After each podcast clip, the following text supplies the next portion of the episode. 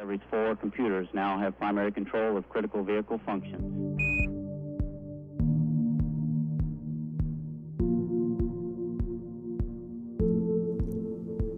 Du lytter til Ida Space Talks, en podcast om rummet over os, om hvordan universet har haft indflydelse på vores selvforståelse og vil præge vores fremtid.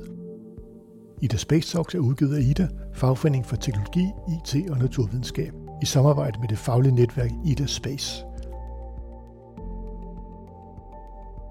Mit navn er Tino Tønnesen, og det er mig, der er vært på Ida Space Talks.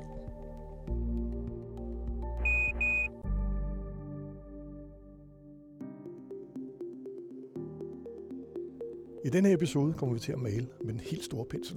Vi tager fat i det ultimative spørgsmål, det allerstørste spørgsmål, der er, hvornår slutter alting? Til at fortælle os mere om det, har jeg inviteret Jofiel Nyman Vis i studiet. Velkommen til dig, Jofiel. Tak skal du have. Prøv lige at præsentere dig selv først. Jamen, øh, jeg er uddannet astrofysiker inden fra Niels Bohr Instituttet og har arbejdet meget med øh, supernovaer og kosmologi, det vil sige universet på den helt store skala, hvor man siger, at galakser er så små, at, at det, øh, det er bare nogle punkter, vi ligesom kigger på i, i, i forhold til, hvordan universet ellers udvikler sig. Så det er det, jeg sådan mest har, har arbejdet med astronomien, og så har jeg øh, lavet alle mulige forskellige projekter, noget rumfart, noget design af rummissioner, noget øh, design af afgrøder til Mars. Jeg har spredt mig rimelig bredt over øh, rumfartsfeltet. Nu er jeg omvej ind i flyvåbnet. Det er en helt anden, helt anden historie. Men øh, sådan øh, astronomifagligt, der er jeg begyndt at, at øh, arbejde mere og mere med, med øh, de her langsigtede prospects, den, den helt store vejrudsigt på, hvordan tingene ender. Jeg plejer lidt at sige det sådan, vejrudsigt er jo dejligt, de kan fortælle os, hvordan det bliver i, i, i morgen, og måske i overmorgen, og så bliver det lidt for os ud i fremtiden, hvor astronomi det er lidt på hovedet. Vi har ikke styr på, hvad der sker i morgen overhovedet, men vi har et ret godt greb om, hvad der sker om, om 14 trillioner år. så. Fremragende. Og det gode ved det er, at der er ikke nogen, der kan komme og hænge os op på det. for, for jeg har ikke på det tid. Nå, nå, det er godt. Ja, men øh, nu, nu fik du jo selv øh, startet op, fordi jeg har tænkt på, hvordan, hvordan, øh, hvordan starter man en, en, en øh, dialog op omkring øh, universets endeligt, og, øh, fordi det er jo det største spørgsmål. Så jeg tænker egentlig, jeg vil bare, jeg, jeg vil bare give dig ord, og så sige, øh, hvornår sluttede det hele? Det er jo et definitionsspørgsmål, kan man tænke, fordi hvad, hvad mener man med det hele? Jeg plejer at, at tage, hvis jeg skal skynde mig, normalt, når jeg underviser det her på Folkeuniversitetet osv., så, så har jeg jo øh, fire aftener af to timer hver, så kan man gå i, i, i detaljer med alt muligt. Men ellers så plejer jeg at sige, jamen øh, i og med at jeg er astronom, så bekymrer jeg mig om alt, der ikke er på jorden. Så vi starter bare der, hvor jorden slutter. Okay. Og det er også, når solen slutter. Øhm, man kan også gå ind i, hvornår er der ikke mere liv på jorden, og hvornår bliver det for varmt og alt muligt andet, fordi solen, ligesom, øh, solen er en stjerne, og, og, og stjerner bliver varmere og varmere i deres levetid, og på et eller andet tidspunkt dør de. Nogle dør i en supernova-eksplosion, det gør solen ikke, den, men den svulmer op og, og opsluger ligesom jorden. Så der kan man jo starte, og det er om cirka 4 milliarder års tid, eller sådan noget. Ja, det er jo noget, man kan måle.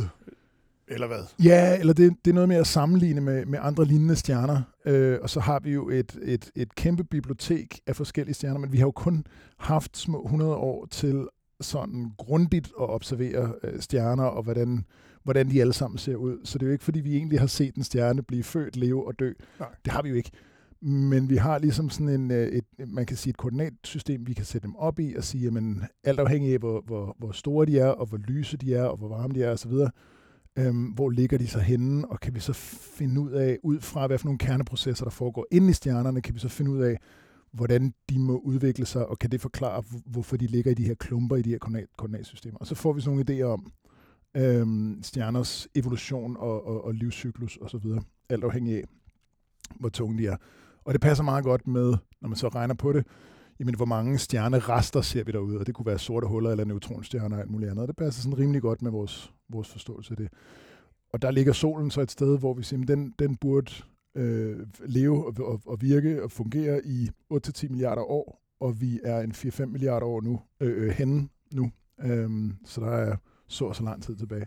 Så der er, der er lidt tid nu? Ja, det er der. Måske ikke astronomisk set.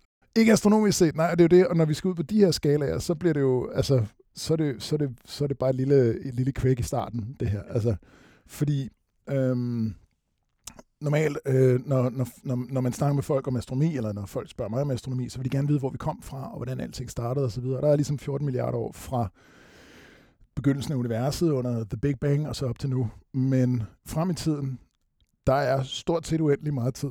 Mm. Og det er det, jeg synes er lidt sjovt at kigge ind i og sige, hvad, hvad, hvad sker der så? Altså, vi har jo... Øh, vi har, vi har øh, øh, solen, som er en stjerne, ligesom alle de andre stjerner, og, og vi har øh, stjerner samlet i galakser. Og det har ligesom en eller anden levetid. Og når jeg holder foredrag og så videre, så tager jeg den simpelthen helt slavisk i, i, i tidslinjeperspektiv. Øh, Men basalt set, så varer de her ting egentlig ikke super lang tid i forhold til, hvor, hvor, hvor længe universet kommer til at eksistere. Fordi stjerner, ligesom solen, de dør. Og så øh, slynger de meget af deres materiale ud, som så bliver til øh, nyere stjerner, som, som har flere øh, metaller i sig, flere øh, øh tungere stoffer. Universet blev skabt kun med, med helium og brint og sådan en lille bit smule lithium. Alt, hvad der findes af, af, af tungere grundstoffer, de er blevet skabt enten i, i, i, i øh, stjerne, stjerners indre, eller når stjerner dør, eller når stjerner kolliderer. Men når en stjerne dør, så efterlader den jo ligesom også en, en stor del af sit materiale som en kerne, som ikke rigtig bliver til mere i hele galaksens historie. Så stjerner udvikler sig, og, og der kommer flere og flere af dem lige nu, men på et eller andet tidspunkt, der er den gas, som stjerner ligesom formes af, den bliver, den bliver stille og roligt opbrugt. Og der går rigtig lang tid.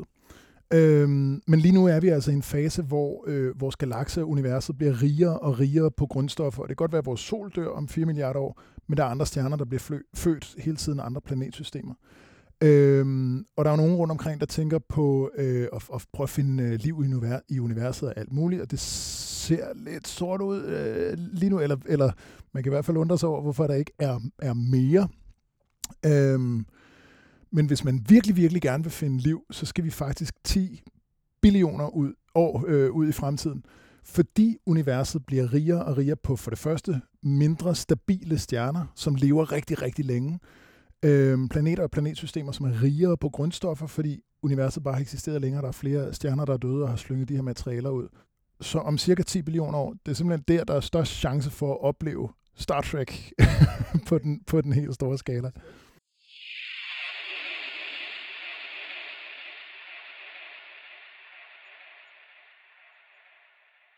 Vi skal lige have styr på tallene her, fordi du kommer til også øh, at bruge nogle rigtig store tal. Ja, 10, det. 10 billioner år. Hvad? Ja. Og nu siger jeg 10 billioner, så er det 10.000 milliarder. Ja, jeg bruger danske billioner, så det bliver ja, ja 10.000 milliarder. Jeg bliver, jeg bliver også selv rundt forvirret, det der. Øhm, fordi hvis man siger a billion på engelsk, så er det bare en milliard på dansk, ja, og det er ikke ja. nok. Vi skal bruge de, de, de store danske tal. ja, det gør vi så nu. Altså ja. 10.000 milliarder år ud i fremtiden. Ja, lige præcis. Men altså, åh, det der med, med tal og størrelsesordner, det er jo svært at forholde sig til. Ikke? Jo. Så man, man kan jo kun rigtig relatere sig til noget, der er i samme størrelsesordner. Det er jo også, når vi sidder og tænker på galakseskalaer og størrelser og det her, så bliver det jo... Altså, det er jo ikke fordi, vi... Jeg sidder jo ikke som astronom og har og tænker, Nå, men det så så mange gange ned til netto. Nej. Altså, det, det, det kan man ikke sammenholde i hovedet overhovedet. Nej, nej, nej, øhm, nej. Så det, det bliver bare i forhold til andre galakser. du ved. Og så skifter man ligesom gear op i hovedet en gang imellem til, til, et andet, øh, til en anden størrelsesorden. Men ja, 10.000 milliarder år ind i fremtiden er der, er der øh, størst beboelighed i galaksen. Bedst, mulighed, bedst grobund for, for civilisationer og rumfart. Men der er stadig stjerner, der lever og dør der. Og som sagt, på et eller andet tidspunkt bliver de øh, råmaterialer, som stjerner bygges af, altså de her store brintskyer i, i galaksen, de bliver stille og roligt opbrugt. Men vi skal faktisk endnu længere ud. Vi skal, vi skal 10 gange længere ud i fremtiden, end der, hvor der er flest civilisationer, før at vi begynder at se, en, en, øh, at, at øh, stjernefødsler øh, virkelig aftager øh, kraftigt. Okay. Eller det, det er faktisk der, de holder helt op. Det er der, at brinten i galaksen er brugt, og der simpelthen bliver, at den sidste stjerne bliver født. Det er 100 billioner år ind i fremtiden, så altså 100.000 milliarder år. Okay. Den sidste stjerne, der bliver født på denne her måde. Så kan man godt have nogle mindre stjerner, der kolliderer og laver en, en ny større stjerne osv., men, men det bliver meget, meget, meget tyndt med nye stjerner. Det lyder enormt ensomt. Ja, lige præcis. Men der er jo stadig de stjerner, der så er blevet født, og nogle af dem er jo stabile og, og, og lever længe. Men selv de mest stabile stjerner, hvilket er de, de mindste stjerner, det er sådan med stjerner, jo større de er, jo kortere lever de. Okay. Øhm, det er sådan meget en til en. Selv de mindste stjerner, de lever i gåsøjne kun 20 billioner år, altså 20.000 milliarder år.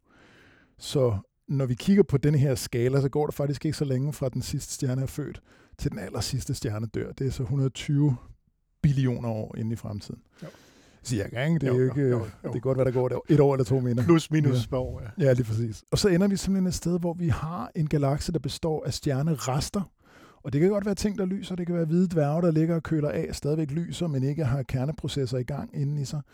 Øhm, der vil være nogle sorte huller, og der vil være nogle, nogle øh, ja, stjernerester i, øh, i alle mulige øh, former, og de vil stadigvæk have planetsystemer omkring sig.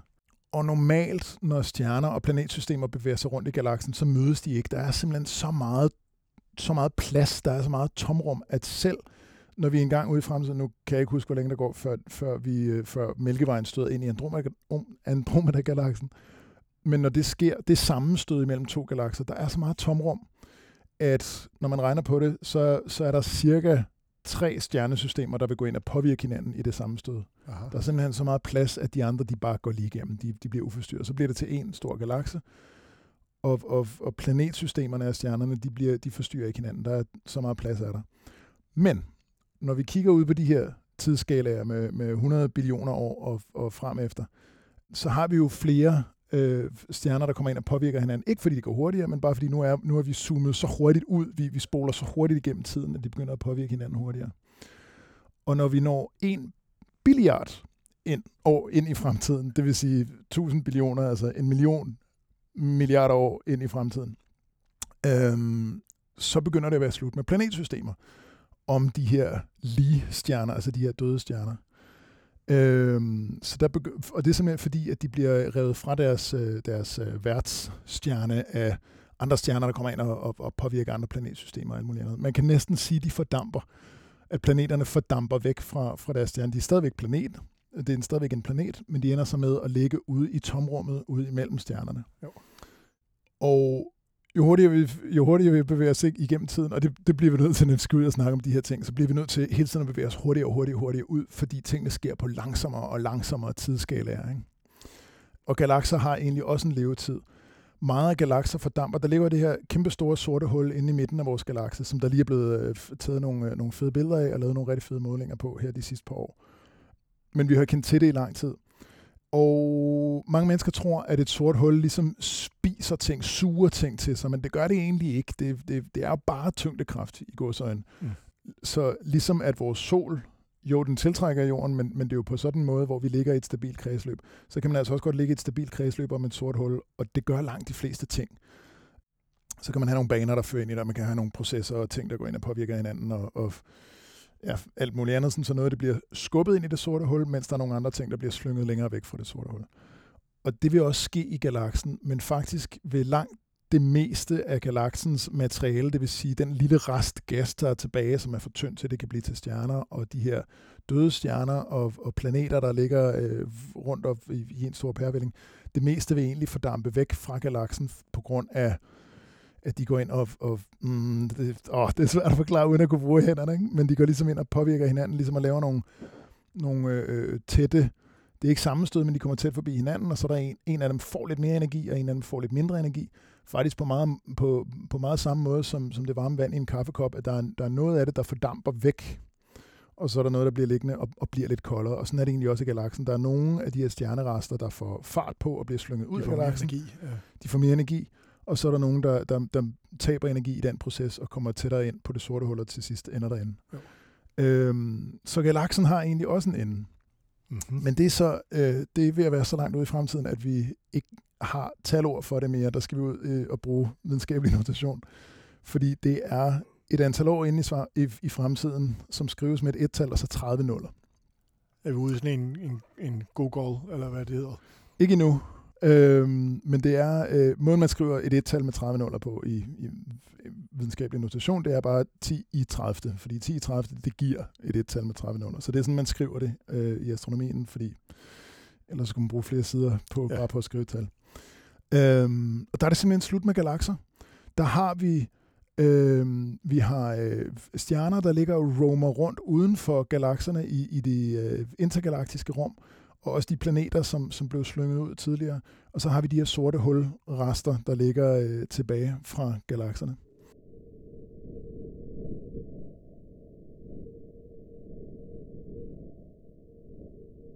Men er der ikke nogen galakser, der er ved at blive født, eller, eller kan vi sige, det er alle galakser? Det er, det er alle galakser jo. Altså, der, der vil jo være forskel på, hvor stor en galakse er, hvor lang tid det tager for den at bruge alt sit materiale. Eller ved der det, fordi det går vel egentlig øh, lige hurtigt.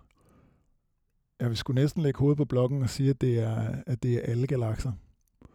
Der er jo så det her med, når vi, når vi kigger længere ud, så ser vi jo længere tilbage i tiden. Selvfølgelig. Ja. Så man kunne jo tænke, at man stadig kunne se nogle galakser, som ikke var nået så langt i deres proces endnu.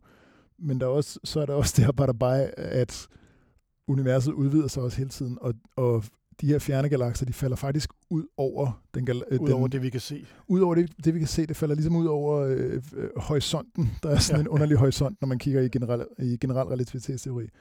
Um, og det sker faktisk længe før, at galaksen ophører. Uh, jeg kan ikke lige huske præcis, hvornår, men, men det er, uh, på, galaksen kommer til at ligge helt alene. Og det er lidt interessant, ikke? fordi det, så er det jo slut med astronomer. Fordi når vi ikke kan se de andre galakser, så kan vi ikke rigtig opdage, at universet udvider sig på den måde, som det gør. Nej, for så er der ikke mere at kigge på. Så er der ikke mere at kigge på. Der er kun det, der er i vores egen galakse.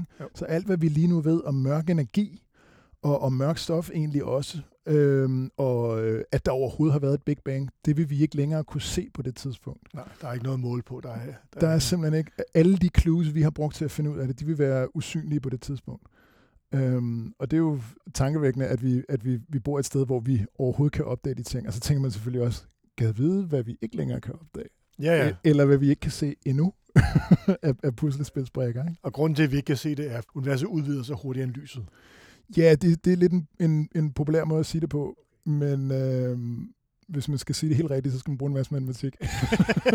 For der er ikke noget, der bevæger sig hurtigere end, end lyset, men, men det kommer ligesom, åh, det vi vil se fra jorden af, det er, at de, at de lige så stille fader ud og, og bliver rødere og rødere og ligesom fader væk. Øhm, ja, hvis man skal tænke på det hurtigt, så er det, så er det at sige, at det bevæger sig hurtigere væk fra os end lysets hastighed. Og der, hvor kringlen ligger, fordi der er jo ikke noget, der må bevæge sig hurtigere end lysets hastighed. Øhm, men tricket er det, det underliggende koordinatsystem, som begynder at vokse i gåsøjne hurtigere end, end, end lysets hastighed sådan så at, at lyset ikke længere kan, kan nå til os derfra.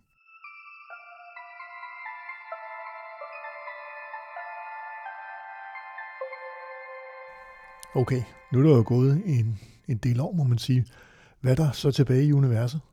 Så ligger der en masse, øh, en masse spraglede ting derude. Der, vi har nogle stjernerester, en øh, tynd, tynd gas og nogle sorte huller og nogle øh, planetrester.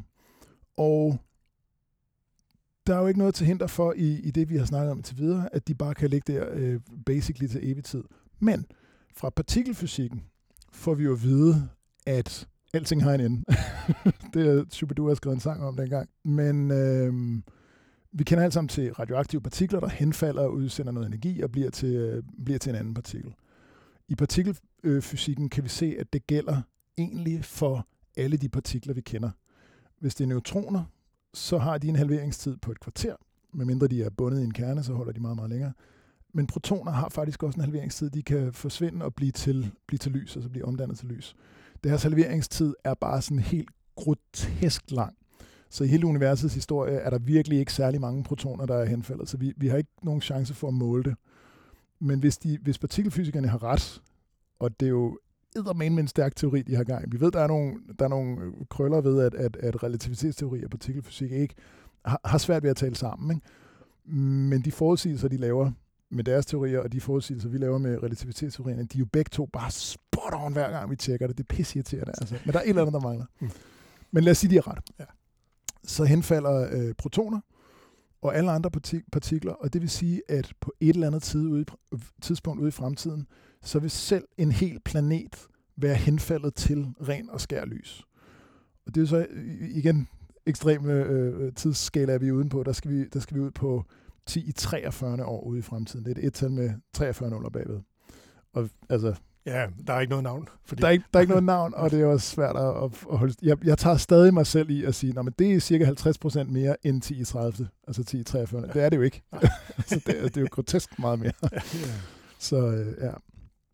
Og så ender vi tilbage med et univers, hvor der faktisk kun eksisterer øh, sorte huller, fordi ja. alt andet er, er henfaldet. Og øh, det kalder vi de sorte hullers epoke. Og det er faktisk nu, at universets øh, liv ligesom først rigtig går i gang. Det er sådan lidt sjovt at tænke på, at alt, hvad vi tænker på i et univers, altså stjerner, øh, galakser, alt det, vi forbinder med astronomi, det er egentlig kun fødselskramperne. Mm. Når de er væk, så er der stadig grotesk meget tid tilbage. Så når man sådan kigger på hele universets øh, livslinje, så er vi, jamen, altså, vi er ikke engang i gang med starten endnu overhovedet. Altså, øhm, og det var også en, en ting er at sidde med de her skalaer i universet og tænke, nej, hvor er jeg lille og ubetydelig. Når man så også begynder at kigge på tidsskalerne og tænke, så, samme ret. For, for, formålet med universet er åbenbart bare tomhed. Ja. Nej, så, bliver det, så bliver det sgu lidt langhåret. Formålet med universet, ja. Hvad er formålet med universet? Ja, lige præcis.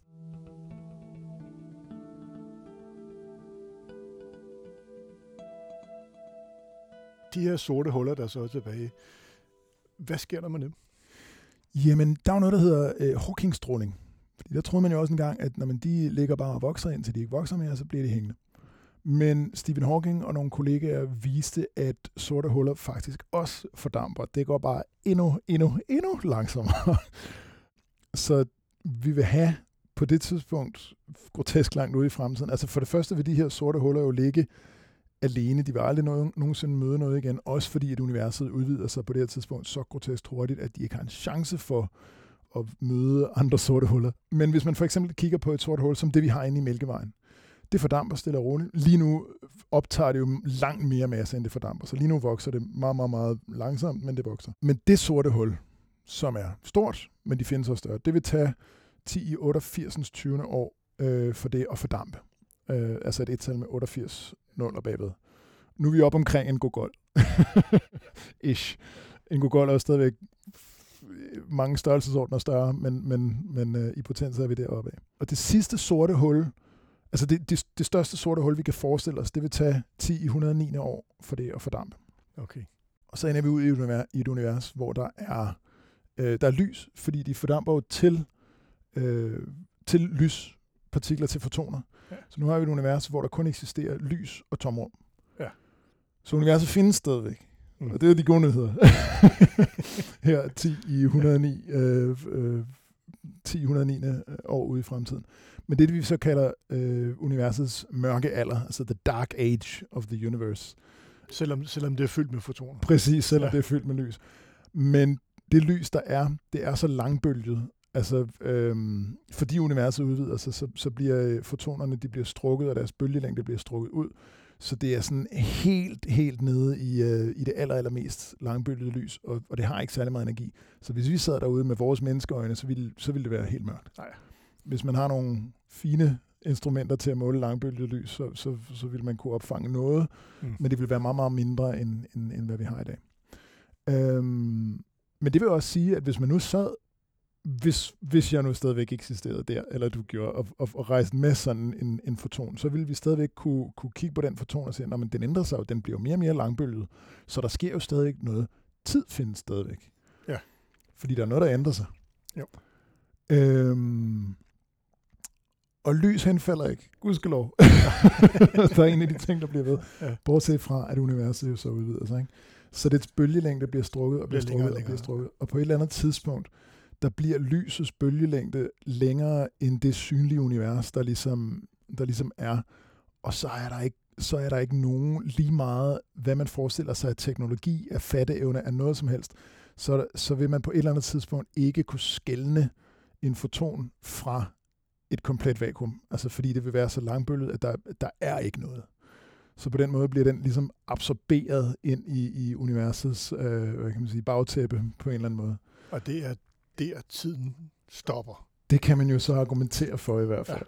Ja. Øhm, fordi hvis der ikke sker noget overhovedet, altså hvis der ikke forekommer noget som helst i universet, hvis vi ikke kan se nogle ændringer, jamen så kan vi ikke måle tid. Tid er jo et eller andet mål for ændring. Ja. Altså, så der ophører tid. Men det er så først, for, nu bliver det langhåret, fordi det er 10 i 120. i 120. år ind i fremtiden. Øhm, så det kan godt være, at skalaen havde været groteske helt fra starten af, men det her, det, det er bare åndet. Men det fede er jo så, tid er ophørt, så konceptet år ophører også, så kan vi bare fjerne det tal og sige, nu er der ikke noget. så behøver vi ikke at forholde os til det mere.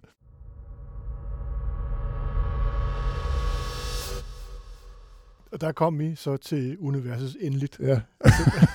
Som det ser ud nu med vores, ja. med, med vores nuværende forståelse. Det kan jo være, at lige nu er mørk energi, det er, vi ser universet udvide sig hurtigere og hurtigere og accelerere. og vi kan se, at universets udvidelse har haft sådan en historik, hvor det startede med at gå hurtigt, så blev det langsommere bremset op, og nu går det hurtigere og hurtigere. Og vi forstår, hvad for nogle mekanismer, der er involveret. Mm, undtagen mørk energi. Vi forstår ikke, hvad det er, og hvor det kommer fra. Vi kan se, at det findes. Og vi kan se, at det var nogle andre mekanismer før. Der var det tyngdekraft og, og lystryk og sådan nogle ting. Men det kan jo sagtens være, som vi talte om lige før, at der er et eller andet, vi ikke ved endnu. Det kan være, at der er et eller andet, der ikke er trådt i kraft endnu. Ja. Så det kan være enten, at den mørke energi begynder at opføre sig anderledes, fordi der er gået mere tid, who knows. Den opfører sig jo anderledes, jo, jo mere tomt universet er, jo kraftigere er den. Det er derfor, vi mener, at den, den bliver, øh, eller altså der, der kommer mere af den i hvert fald. Det er derfor, den hedder vakuumenergi også, med et andet mm. Øhm, men det kan være, der er noget andet, der træder i kraft, så der er ting, der begynder at opføre sig anderledes. Så det her, det er den nuværende vejrudsigt. Jamen, jeg tænker også, fordi det, det, det, det her er jo, og nu må du endelig stoppe hvis, jeg, hvis det er forkert her, men, men øh, det er sådan en meget linær tankegang at sige, at ja. universet gør bare sådan her. Ja. Hvad med, hvad, man har jo talt om, universet øh, er bøjet, eller er, har en ja. anden form. Øh, det vil vi jo også kunne, kunne spille ind på de her ja. tanker. Ja, det vil det. Øh, more or less. Altså, fordi der er jo... Øh, lige nu er vi... Det er sådan en irriterende ting, det der med, med universets firedimensionelle form, fordi det ser ud, som om det er fladt. Og det er dejligt, fordi det er nemt at regne på. Men, jo, men, men vi kan ikke rigtig finde en grund til, at det skulle være fladt. Altså, der, der, fordi det skal være helt perfekt fladt, før det forbliver fladt. Hvis det bare er en lille bit smule krumt, så burde det blive mere og mere krumt. Og det er meget mærkeligt, at jo, jo finere vi måler, jo mere fladt ser det bare ud til at være, og det er sådan, vi forstår ikke helt, hvad det er, der foregår der. Men det kan jo sagtens være, at, at det er næsten fladt, og det kan også godt være, at det er perfekt fladt, og det vil have en indflydelse på, hvordan fremtiden kommer til at se ud. Og når du siger, at det er fladt, Ja.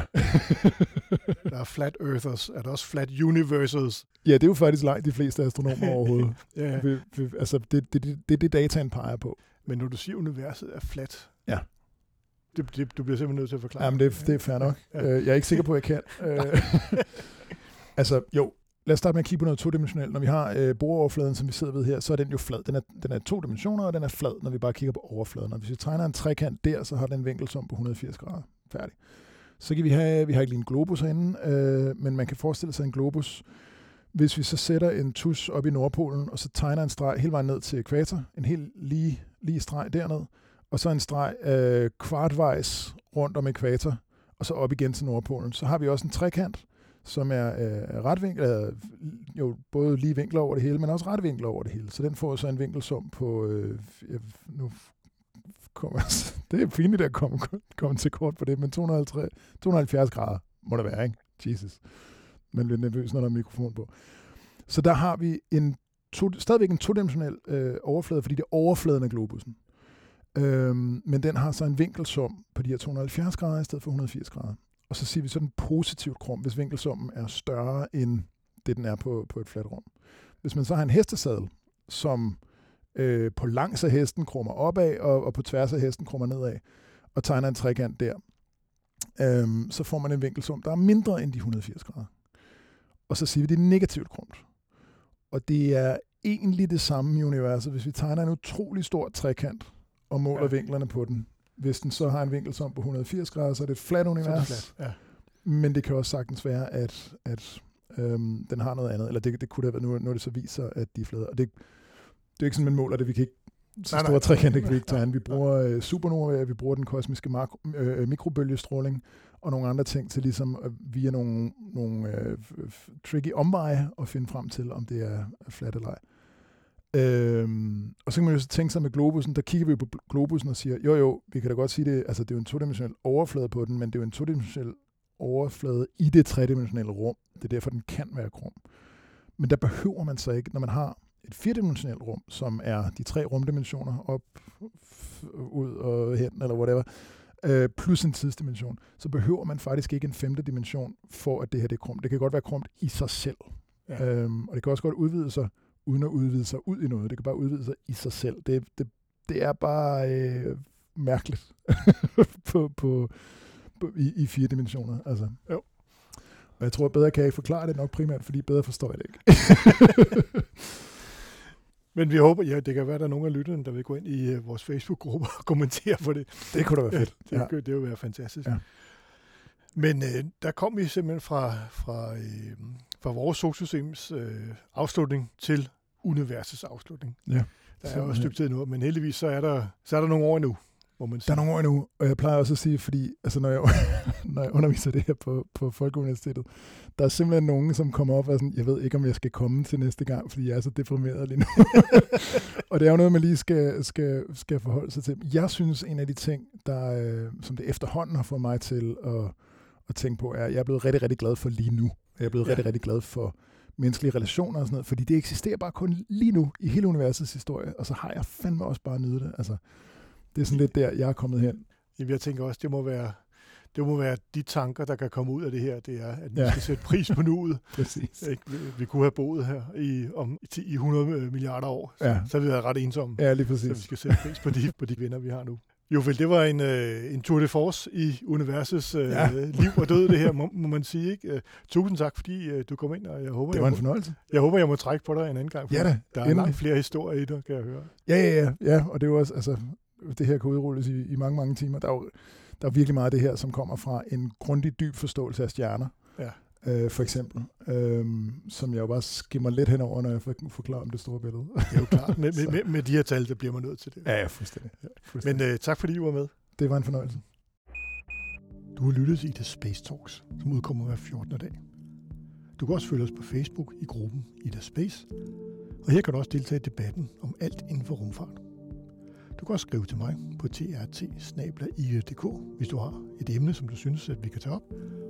Og du kan abonnere på podcasten via din favorit podcast udbyder. Ida Space Talks er en af flere podcasts, der udgives af Ida, fagforeningen for teknologi, IT og naturvidenskab Og du finder alle Idas podcasts på ida.dk-podcast. Mit navn er Tino Tønnesen. På genhør om 14 dage.